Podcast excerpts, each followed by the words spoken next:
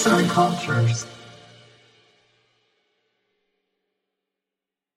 Merhaba arkadaşlar. Sanat Tarihi podcast'imizde bu hafta Türklerden bahsedeceğiz. Gün içerisinde çokça rastladığımız bir motif olan hayat ağacının kökenlerini araştıracağız. Keyifli dinlemeler. İnsanoğlunun kutsal saydığı en bilinen varoluşlardan biri ağaçtır. Ağaçlar sonbaharda yaprak dökerek kurur, ilkbahar zamanı geldiğinde tekrardan çiçek açarak canlanır ve meyveleriyle insanları beslemeye kaldığı yerden devam eder. İşte bu sonsuz döngü insanoğlunun en erken devirden beri ilgisini cezbetmiştir. Ağaçlar hakkında ilk devirlerden bu yana hemen hemen bütün toplumlar çok sayıda mit ve inanç geliştirmişlerdir ki insanoğlu için ağaç ruhsal, fiziksel ve öteki dünyanın kutsallığını ve hayatını simgeleyen doğal bir form olmuştur. Şu ana kadar gelmiş geçmiş din ve inanç biçimlerinin çoğunda da görüldüğü üzere Tanrı ile iletişim ağaçlar yoluyla kurulmuştur. Bu nedenle insanoğlu ağaçlara her zaman yakın olmak istemiştir. Ağacı olan bu inançtan dolayı ağaçlar kutsal ağaç, hayat ağacı, dünya ağacı gibi isimlerle nitelendirilmiştir. Mitolojilerde dünyanın merkezinde, semavi dinlerde ise cennette bulunduğuna inanılan ağaç ise hayat ağacıdır. Yeryüzünde ölümsüz olmayı başaramayan insanoğlu çareyi ölümden sonra dirilme veya ruhun ölümsüzlüğüne inanmakta bulmuş. Hayat ağacını da bu duyguları simgelemek için kullanmıştır. Hayat ağacının bütün alemleri birbirine bağladığına, kökleriyle cehennemi, gövdesiyle yeryüzünü, dallarıyla cenneti kapladığına ve dünya üzerindeki en büyük ağaç olduğuna inanmışlardır. Her kıtada yetişen binlerce ağaç türü olduğu için hayat ağacının cinsi de bütün kültürlerde farklılık gösterir. Fransızlar için meşe, Almanlar için ıhlamur, İskandinavlar için diş budak, Hintliler için banyan, Türkler için ise servi ağacı hayat ağacı olarak seçilmiştir. Dünya üzerinde var olmuş en eski inanışlardan olduğu kabul edilen hayat ağacı tasvirlerine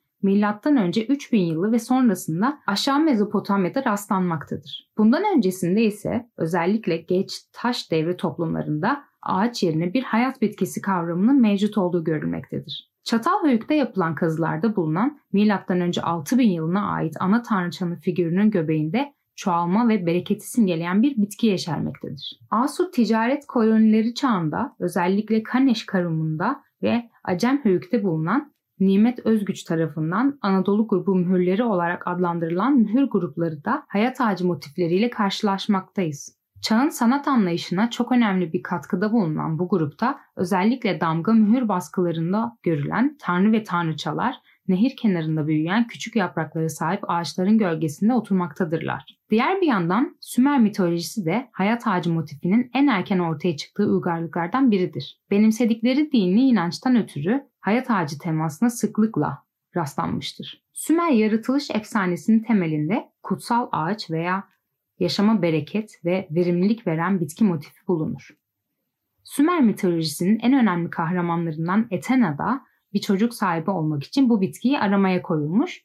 Bu amacında başarılı olmuş ancak başarısının sonucunu göremeden yüksekten düşerek ölmüştür. Türklerin ağacı kutsal saymaları yaratılışın özünde bu motifin bulunuyor olmasından dolayıdır. Adem efsanesinde şöyle bahsedilmektedir. İnsanın ilk atası Er Sogotoh'tur. Bu atının köşeleri gümüşlü, 50 kapılı, 40 pencereli bir evi vardır. Doğuda ise Ağaç Hakan vardır. Ağaç Hakan'ın kökleri yeri kaplıyor, dalları ise göğü deliyordu. Kökünden de hayat suyu akıyordu diye devam eden efsane gösteriyor ki hayat ağacı Türk töresinde başlangıçtan beri kutsaldır. Hayat ağacı Türk boylarında farklı isimlerle anılsa da genel olarak Bayterek, Altın Ağaç, Baydirek isimleriyle karşımıza çıkmaktadır. Kayın ve servi ağaçları Türklerin kendilerine seçmiş oldukları hayat ağacı türüdür. Günlük yaşamlarında kullandıkları malzemeleri bu ağaçtan üretiyor, savaş aletlerini yine bu ağaçtan kullanıyorlardı. Efsanelerde insanların hayat ağacından türemesi de sıkça karşımıza çıkmaktadır. Örneğin Hunların bazı boylarında hayat ağacının gövdesinden türediklerine inanılmaktadır. Eski Türkler hayat ağacını bir güç ve devlet sembolü olarak da görmüşlerdir. Rivayete göre efsanevi hükümler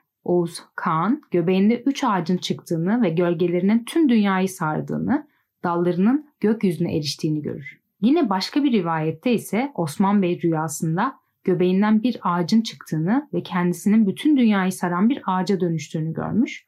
Bunun akabinde 600 yıl ayakta kalan Osmanoğulları Devleti'nin ilk adımlarına atılmaya başlamıştır. Hayat ağacı içerdiği anlam kadar göze de hitap edebilen bir formdadır. Bundan dolayı Osmanlı'da bu motif sık sık kullanılmıştır. Fermanlara çekilen tuğralarda dahi karşımıza çıkan hayat ağacı bazen tuğra için bir çerçeve, bazen de fermanın köşesinde küçücük bir detay olarak kendini göstermektedir. Bunların yanında çini, mezar taşı, çeşme, duvar resmi, halı, kaftan, taç, tabak gibi eserler de hayat ağacı örneklerine rastlanmaktadır. Yazan Yusuf Gül, seslendiren Polen Biçer.